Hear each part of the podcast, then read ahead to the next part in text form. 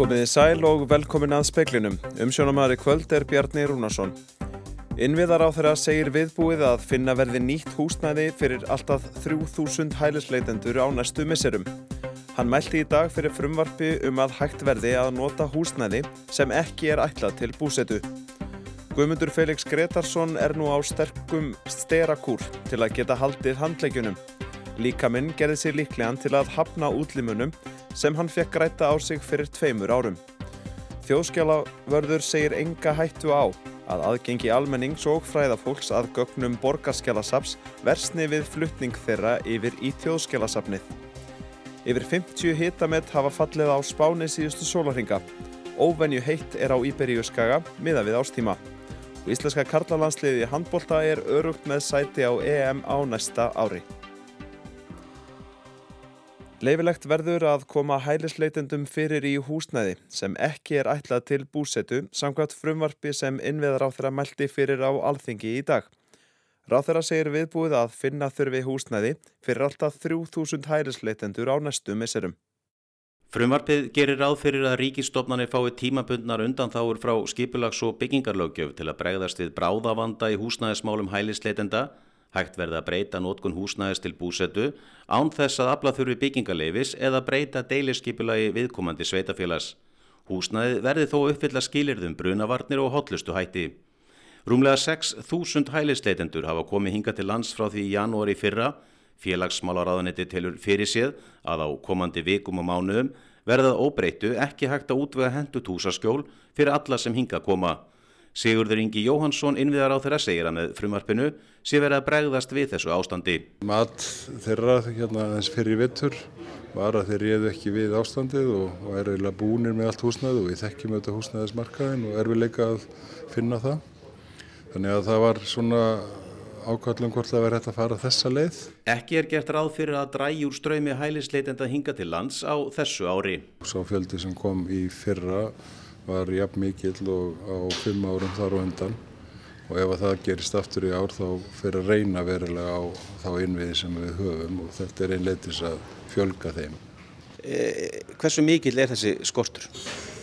E, það er aðeins óvitað en, en ef hásbá um, um þann fjölda sem kemur hingað, þegar hún er því 6500 þá er það ansi margt húsnæði sem að þurft að finna geti verið fyrir þrjúðus manns. Sæði Sigurður Ingi Jóhansson, höskuldur Kári Skram tók saman.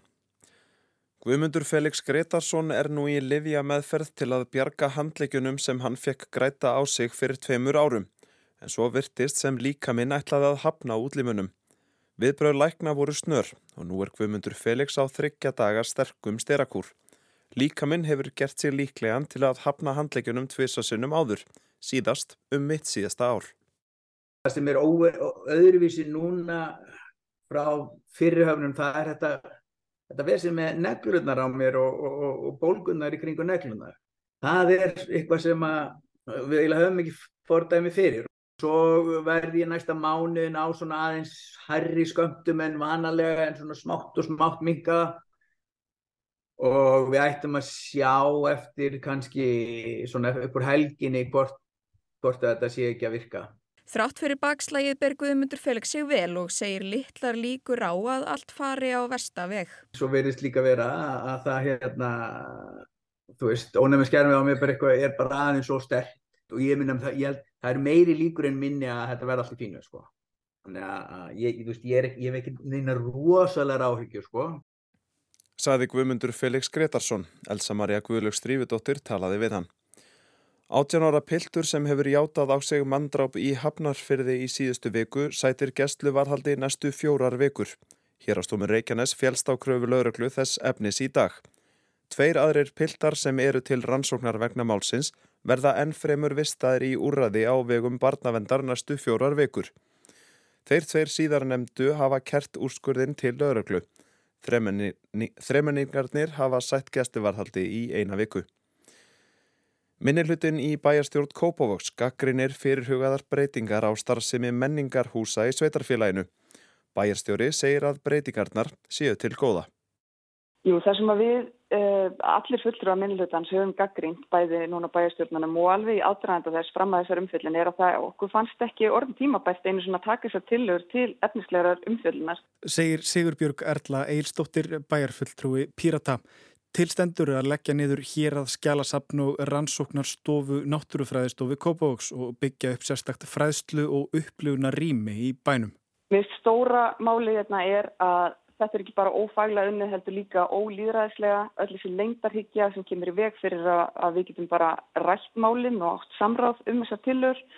Uh, það er aldrei vanlegt til þess að skila á sér góðri niðurstu.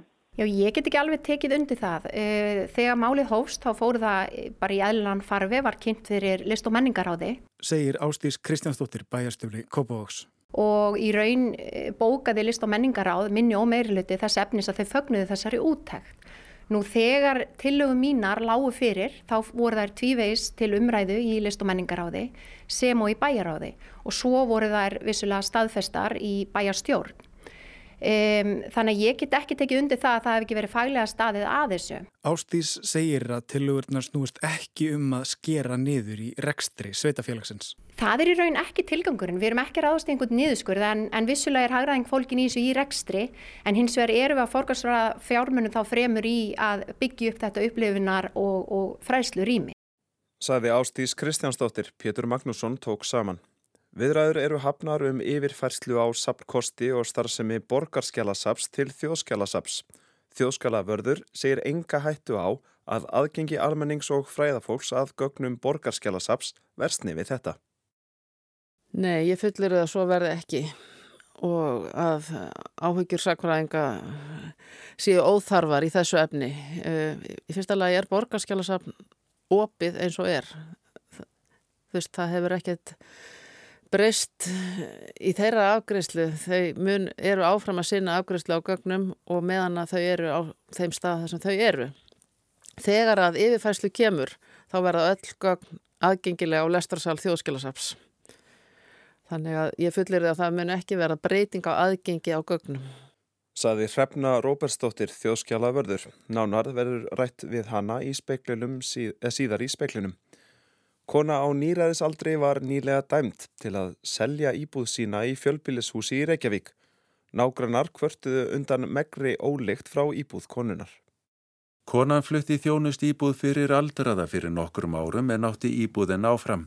Nágrannu funda því að síðan þá hefði íbúðin ekki aðeins leyendu skemdum, heldur hefði ástand hennar bitnað á öðrum íbúðareigundum. Þannig legði megna ólíkt frá rusli sem hefði sapnast upp í íbúðinni, legurör, illu skemdum og kettir í nágrenninu ættu greiða leið inn og út úr íbúðinni. Á húsfundi fyrravor var skorað á konun að sinna eðlilu viðhaldi og kom í veg fyrir að aðrir húsegundur yrðu fyrir ónæði. Þegar konan syndi þessu ekki samþykti húsfélagið að hún yrði að flytja allt sitt hafurtaskur húsinu og selja íbúðina. Því brás konan ekki heldur við og fór málið því fyrir domstóla.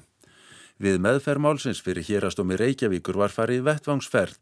Þar blasti við gríðarlegt magnasorpi og margslags óþreifnar í íbúðinni svo erfitt var að komast um hana.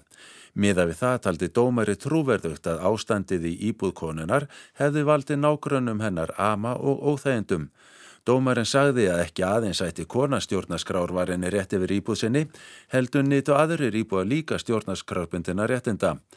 Dómarinn talda konan hefði fengið nægt tækifæri til að bæta ástandið en ekki nýtt þau. Því verður hún að tæma íbúðina innan eins mánadar og selja hann innan þryggja. Brynjólfur Þór Guðmundsson saði frá. Íslenska karlalandsliði í handbólta gulltriði sæti sitt á Evrópumótinu á næsta ári með örugum sigri á Ísrael í dag, 37-26 urður loka tölur. Íslenska liði var áttamörkum yfir í háluleik og var sigurinn aldrei í hættu. Kristján Örd Kristjánsson var markaðistur í íslenska liðinu með 8 mörg. Loka leikur Íslands í reyðlinum er hér heima gegn Íslandi á sunnudag þar sem liðið stefnir á að halda efstasæti reyðilsins og ná þar með í efsta styrklega flokk fyrir EM. Setni hluti Ársþings ASI hófst í morgun. Fyrir hluti þingsins í oktober endaði í upplaust þar sem fulltróar gengu út og tveir frambjöðandur til fósita ASI dróðu frambóð sitt tilbaka á seinustu stundu. Mikil átök voru í fórustu verkefliðsreifingarinnar. Kristján Þórður Snæbjarnason, fórseti ASI, tók við því embatti í ágúst en hyggst ekki gefa kost á sér áfram og lætur hann af ennbætti að þingi loknu. Á morgun verður kosið í fóristu sambandsins og miðstjórn. Kristján Þórausna Bjarnarsson, fórseti ASI. Nú eru þið að koma saman aftur eftir fjöruan fyrirháleik. Hvernig er hljóðið í fólki? Er, er stemningin lituð af fyrir hluta þingsins? Stemningin er alveg greiðalega góð finnst mér eins og þingið er að byrja í dag. Það er rosalega kraftur í fólki. Fólki er komið til þess að, að ræða málinn og vinna saman og það er þetta bara mjög ánægilegt. Við erum að byrja núna semst, á málefna vinnu. Þannig að það er bara svona hugur í fólki sínist mér. Hvaða mál eru þið helst að setja á ottin á, í hér í dag og á morgun? Já, hérna er verið að ræða auðvitað öll stóru málin, öll þau þingskjöl sem að lágu fyrir þinginu í oktober og það snýru auðvitað kjaramálum, húsnæðismálum, velferðinni, uh, lífeyrismálum og, og, og þetta eru í raun og öll þessar stóru línur sem er verið að fjá, fara yfir mm. og móta stefnu okkar uh, fram á við hvað þau varðar. Mm -hmm. Í nú í morgun að þá bárst ekki góðar frettir af verðbólgunni, hún er tekin að hækka á ný, hvernig blæsir það við þér? Það eru þetta gríðileg vonbreyði að, að verðbólka sé ennþá að hækka. Um, við sjáum að það eru nokkri liðir í mælingunni sem eru að íta undir þessa hækkun og snýr meðal annars að, að reiknaðri leigu, húsalegu. Uh, Vaksta þátturinn er greinilega farin að hafa áhrif til hækkunar þannig að það eru þetta mjög meður að svo sé.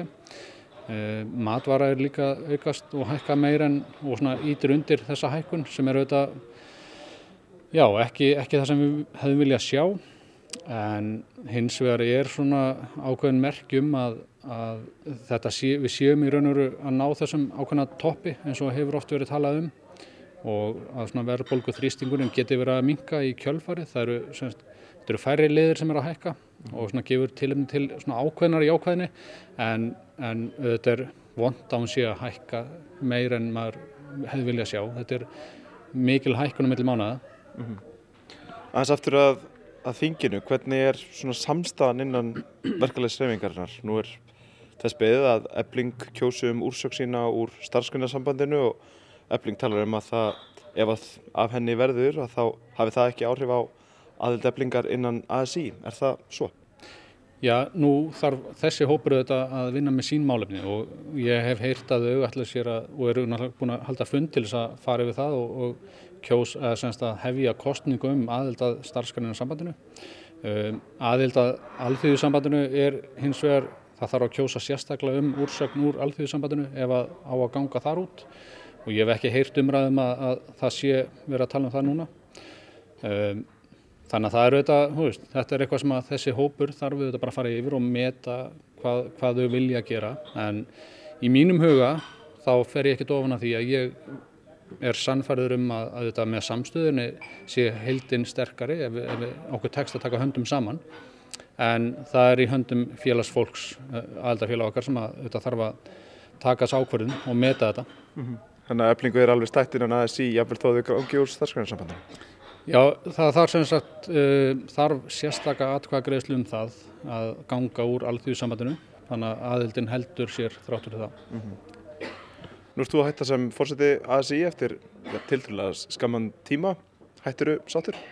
Já, ég veit að nú erum við búin að leysa af í raun og veru síðan í ágúst í fyrra og þetta búið að vera mjög róstur sami tími. Það búið að vera ansi margt undir á þessum tíma. Eh, búið að fara í gegnum eina lótu kjaraviðræðina og, og, og hérna hefur þetta bara verið rosalega mikill skóli og, og skemmtilegt að, að sinna þessu en það hins vegar auðvitað hérna, ímislegt sem maður hefði viljað að vera á annan hátt kannski í dag og þá meina ég ytri aðstæður, efnaðars aðstæður og, og þess áttar. En ég skil sáttur við þetta hlutverk núna, alveg klálega. Það kemur nýjum fórsta á morgun og þennar býður já, illa samanverkefni að það er stutt í næstu, næstu kæralótu. Hvernig leggst það í fólk að fara í, í kæraverðar í þessum aðstæðum? Já, nú er, verður að hlutverk fórustunar sem að verður kosna morgun og, og ég mun vonandi tilheyra e, eftir það val þegar fórustan er kjörinn. Það að semja, gera kjara samninga við þessar aðstæður verður auðvitað krefjandi. Það þarf að, að ná að tryggja að kaupmáttu launa haldi sér. Það þarf að ná auðvitað að vinna á þeirri verðbólgu sem uppi er og þar munu stjórnvöld að sjálfsögðu eh, skipta líkil máli hvað stjórnvöld munu gera e, til þess að styðja við kæra samninga fram á við og styðja við e, heimilinn í landinu. Það auðvitað bara, en ég held að það samtal þurfi auðvitað bara að komast að stað og, það, og ég held að stjórnvöld verði núna að grýpa fast inn í strax til þess að létta undir og styðja við heimilinn og grýpa til aðgjara til þess að draga úr verðbólgu. Sjökum þess að það hefur ekki verið gert hinga til frekar í hináttina að auka verðbólgu og, og hérna íta undir hana. Þannig að ég held að þau verði svolítið að koma með í þennan þessa vekkferð að, að leggja sitt sín lóð á vogaskáluna til þess að e, ná stöðunni og bæta stöðuna. En, en aðstæðunar, þetta leggst þetta bara vel í mann, þetta ferlið sem framöndan er. Mm -hmm. Hvaða aðgerði myndið helst til að sjá fara á staða sem fyrst? Já, það er auðvitað hægt að grípa til aðgerða ef við horfum bara á eins og uh, þróun á bensinverði, eh, það er hægt að grýpa til aðgerða til að lækka maturverð með virðisökarskatts aðgerðum og það er hægt að styðja við heimilin sem eru í greiðslu vanda eða, eða svona blasir við að greiðslu vandi verði framöndan vegna til dæmis óverðtrera lána og hækkun stýrivasta. Það var hægt að grýpa til sértakra aðgerða þar. Og ég held að sé orðið afskaplega brínt að það veri gert en taka til svona sértækra aðgerða sem að annars vegar vinnur gegn verðbólgunni og hins vegar stiður við heimilin. Saði Kristján Þórður Snæbjarnason.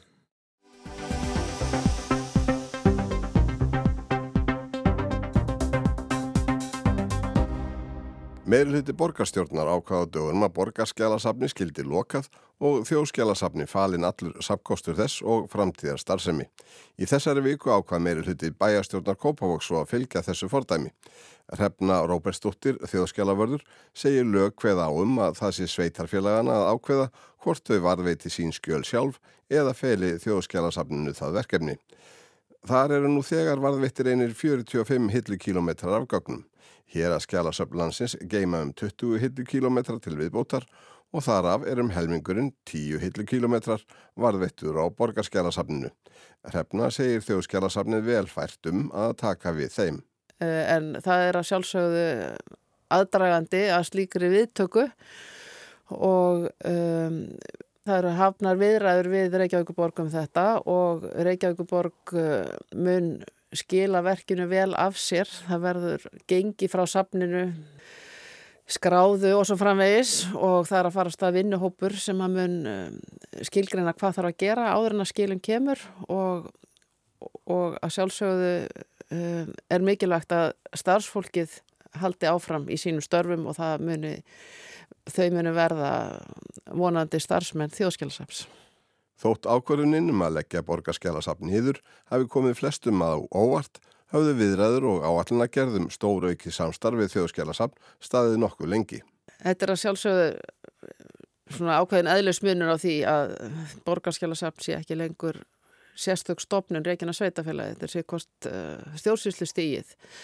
En það eru 2-3 ár síðan að það var farið í mikla grunnvinnu við það að skoða samlegar áhrif á og mynda þar alveg endur svolítið stærri og öflugri heilt í sameiglegu húsnæði og með sameilegri þjónustu við almenning, með lestrasal, sameilegri nýtingu á sérhæðiri þjónustu eða störfum eins og forvörslu, rafrænum viðtökuvestæði og fleiri þeimdur en, en þetta var síðan, og það var eina sviðsmyndunum en þetta rauninni gengur einu skrefi lengra Ákvörðuninn um að leggja borgarskjálasafn nýður og láta það renna inn í þjóðskjálasafnin hefur verið harlega gaggrind, ekki síst af sakfræðingum. Það er engum eitt sem veldur áhyggjum og það er aðgengi að þeim gögnum sem safnið geymir. Mun aðgengið vestna með þessari saminningu? Nei, ég fullir það svo verði ekki og að áhyggjur sakfræðinga séu óþarfar í þessu efni. Eh, í fyrsta lagi er borgarskjálasafn opið eins og er veist, það hefur ekkert breyst í þeirra afgriðslu, þau mun eru áfram að sinna afgriðslu á gögnum og meðan að þau eru á þeim stað þar sem þau eru. Þegar að yfirfæslu kemur, þá verða öll gögn aðgengilega á lestarsal þjóðskilasaps. Þannig að ég fullir því að það mun ekki vera breyting á aðgengi á gögnum. Þjóðskjálasafni sinni nú þegar skjálavörslu fyrir átján sveitarfjörug, þar að meðal Hafnarfjörð, Reykjanesbæ og Seltjarnanis, sem greiða fyrir það ákveðið vörslugjald. 20 hér að skjálasöfn eru enn starfandi að borgar skjálasafni meðtöldu og sinna skjálavörslu fyrir 46 sveitarfjörug. Í fimm ára gamalli skýslu þjóðskjálasafs um starf sem í hér að skjálasafna kemur fram að þótt hún séða miklu leiti til fyrirmyndar, faglega séð, þá eru söfnin flest hórutvekja undir mönnuð og van fjármögnuð. Í ljósi þess og frétta af báum fjárhags sveitarfélag um land allt er ekki ólíklegt að enn fleiri sveitarfélag ákveða að spara fjármunni með því að fela þjóðskjálasafninu vörslu sinna gagna. Hrefna telur safnið vel fært um að taka við öllu sem til þess verður beint. Forsendu þess séu þó góð samvinna við viðkomandi sveitarfélag, aukið fjármagn og ekki síst áframhaldandi vöxtur stafrætnar stjórnsýslu og rafrætna skila en hún segir Ísland 10 til 15 árum og eftir hinnum Norðurlöndunum á þessu sviði. Það er um, í núverandi stjórnarsáttmála að skoða vel þessi rafrænu skil og hérna rafræna stjórnsýslu þannig að það er uh, það mun líka margt breytast í þessu samhengi og sem er líka eigur aðgengi þó að menn séu ekki með lestransalmi hliðin á sér. Að það eru, geta verið menn geta fengið afgreitt gögg sem að þeir þurfa að fá úr ámböru skjálasöfnum inn á sitt stafrana posthólf og margt fleira. En við erum í miðri vegferð þannig að það ég held að eina sem við getum vita að það eru mikla breytinga framöndan Þó þrefna treysti sér til að fullir það að gögg borgar og hér að skjala safna á höfuborgarsvæðinu verði jafn aðgengileg almenningi og fræðimönnum eftir mögulega yfirtöku þjóðskjálasafsins og fyrir hana, þá á það ekki að öllu leiti við um söp sem fjær eru höfuborginni. Hún segir enga hættu á að gögnin sem slík verði óaðgengileg þóttu verði flutta á þjóðskjálasafnið en fólki í héræði muni óhjákvæmilega þurfa að velja á milli langferða og rafrætna Hér að skjálasöfn hafi hins vegar verið gríðarlega gagleg á sínu svæði og séu það enn. Uh, maður sér það að þar sem eru starfandi hér að skjálasöfn og sérstaklega þar sem hafa verið starfandi lengi að þar er varveisla gagna í, úr hér aði betri.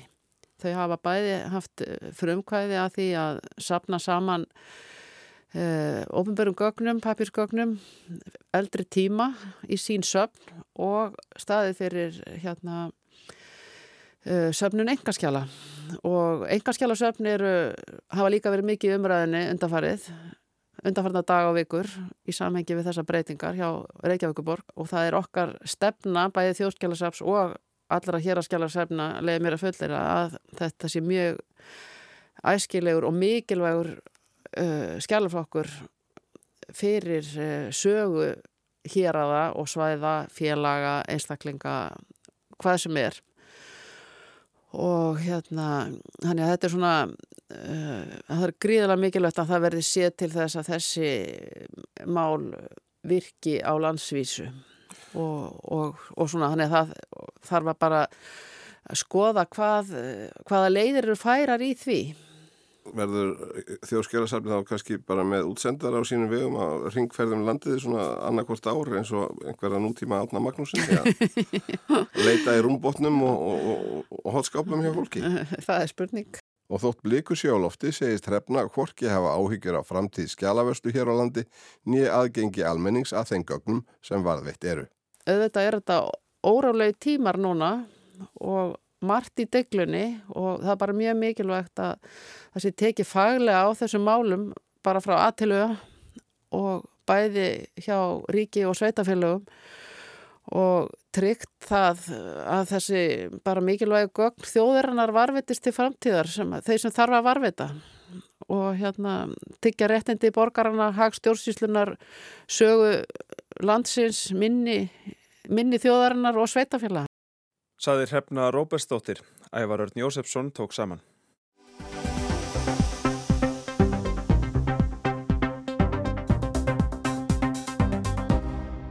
Íbúum á sönnanverður landinu nýtti við mörgum hverjum þegar þeir lit út um gluggan í morgun og sáu alkvita jörð. Á snjómyndum á Facebook máttu sjá þygt lag á bílum, útigrillum og trjám og runnum sem voru byrjuð að bruma. Eitt byrti mynd af snjóhrúu og velti fyrir sér hvort vetrardekkinans læju þar undir. Smálagð sem fór yfir landið í gær og nótt olli ofan komunni. Hún hefur ekki mælst jafn mikil á þessum árstíma síðan árið 1999. Á VF veðurstofunar sagði í hugleðingu veðurfræðings í morgun að snjókoma eða slitta væri á sunnanverðu landinu með takmörkuðu eða lélegu skigni og erfiðum axtur skilirðum. Fólki var bent á að kanna aðstæður aður en lagt væri af stað og fara gætilega. Veðurfræðingar á Spáni byrtu einnig viðvörunu í morgun. Þar var varað við að heitinn færi að líkindum í 40 stig í dag og á morgun inn til landsins í söður héröðunum. Almannavarnir bættu um betur og sárbændu fólk að fara varlega með eld vegna hættu á skóareldum. Segja má að veður frængur Skye fréttastöðvarinnar Bresku hafi gefið tónin strax á þriðju dag. Inland areas like Cordoba expected to reach 15 degrees above normal with highs of around 40 degrees Celsius. Remember, this is in April. Inn til landsins, til dæmis í Cordoba, má búast við að hittin fari í 15 stig yfir meðalári í alltaf 40 stig á Celsius. Munum að það er ennþá apríl, sagði veðurfræðingurinn. Spáinn gekk eftir. Í morgun var byrt mynd frá Cordoba á fréttavef Spænska ríkisúþarpsins þar sást að hittin var komin í 38 stig. Hilbriðisraðunitið í Madrid lagði í dag til við stjórnvöld í sjálfstjórnar hérðum spánar að þau virkið á ávóllun um fyrirbyggjandi aðgerðir vegna áhrifa yfirvofandi hitabilgju á heilsu fólks allt fram í miðjan næsta mánuð. Ráðunetið sendir alla jafna ekki út viðvaranir af þessu tægi fyrir enn í júni byrjun. Í Madridar héradi var reyndar búið að ákveða að gripa til ráðstafana í þessari viku. Kjensla í skólum verður aðlöguð aðstæðum, eftirlit aukið með loftræsti kerfum á heilsugæslu stöðum hins opimbera, áætlunarferðum jarðlesta verður fjölgað til að stýtta byð á lestarpöllum og þá verða almenningssundlögar opnaðar fyrr en venjulega. Í Madridar héradi er útlitt fyrir að hitin ná í alltaf 34 stegum áður en hann fer að reyna á ný.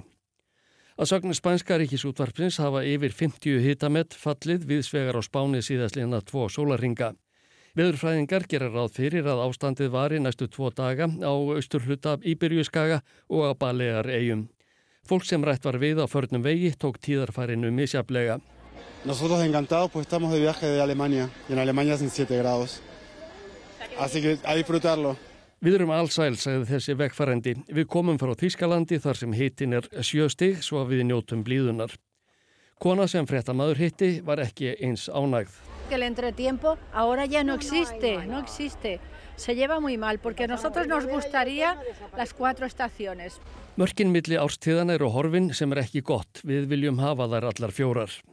Ástæðan fyrir hinn óvenjulega veðurfari á Suður Spáni og reyndaritning í Portugal er heitur vindur sem berst frá Sahara eðimörkinni norður á bógin yfir Íbyrjuskaga. Íbúar í hluta Norður Afriku fara heldur ekki var hluta af hittanum. Hann fór yfir 40 stig á nokkrum svæðum í Marokko í dag. Þar er hittinn um þetta leiti árs yfirleitt ekki meira en rúmlega 20 stig. Burtséð frá hennum óvennilegu aðstæðum á Íberjuskaga og í Norður Afríku er hefðbundið vorveður víðast hvar annar staðar á meginlandi Evrópu. Brettar hafa kvartað yfir kuldað undanförnu en útlitt er fyrir að hittinn verði í meðalagi og jáfnvel aðeins herri í mæ. Einhverjir rekna þó með hlý og þurru sumri, svo sem forsvarsmenn vatsveitunar Southwest Water.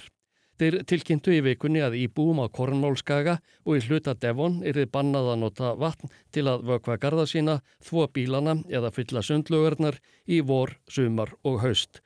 Bannið gildir til 1. desember. Því kann að verða aflétt fyrir ef verulega rignir á tímabilinu. Það nær til um það byrj 390.000 heimila á svæðinu. Það var Ásker Tómasson sem tók saman. Talandu um veðrið, norrlæg eða östlæg átt víða á bylnu 5-10 metrar á sekundu. Snjókoma eða slitta með köplum sunnarlands en dregur úr úrkomu þar í nótt og léttir til á morgun. Lítilsáttar jél á norð-austanverðu landinu en þurft og bjart suðvestan til. Hiti 0-4 steg yfir daginn og víða næturfrost. Það er ekki fleira í speklinum í kvöld. Tæknimaður var Magnús Þorstein Magnússon. Margrit Júlia Ingimarsdóttir stjórnaði fréttahólsendingu. Takk fyrir samfélgina, njóti kvöldsins og verðið sæl.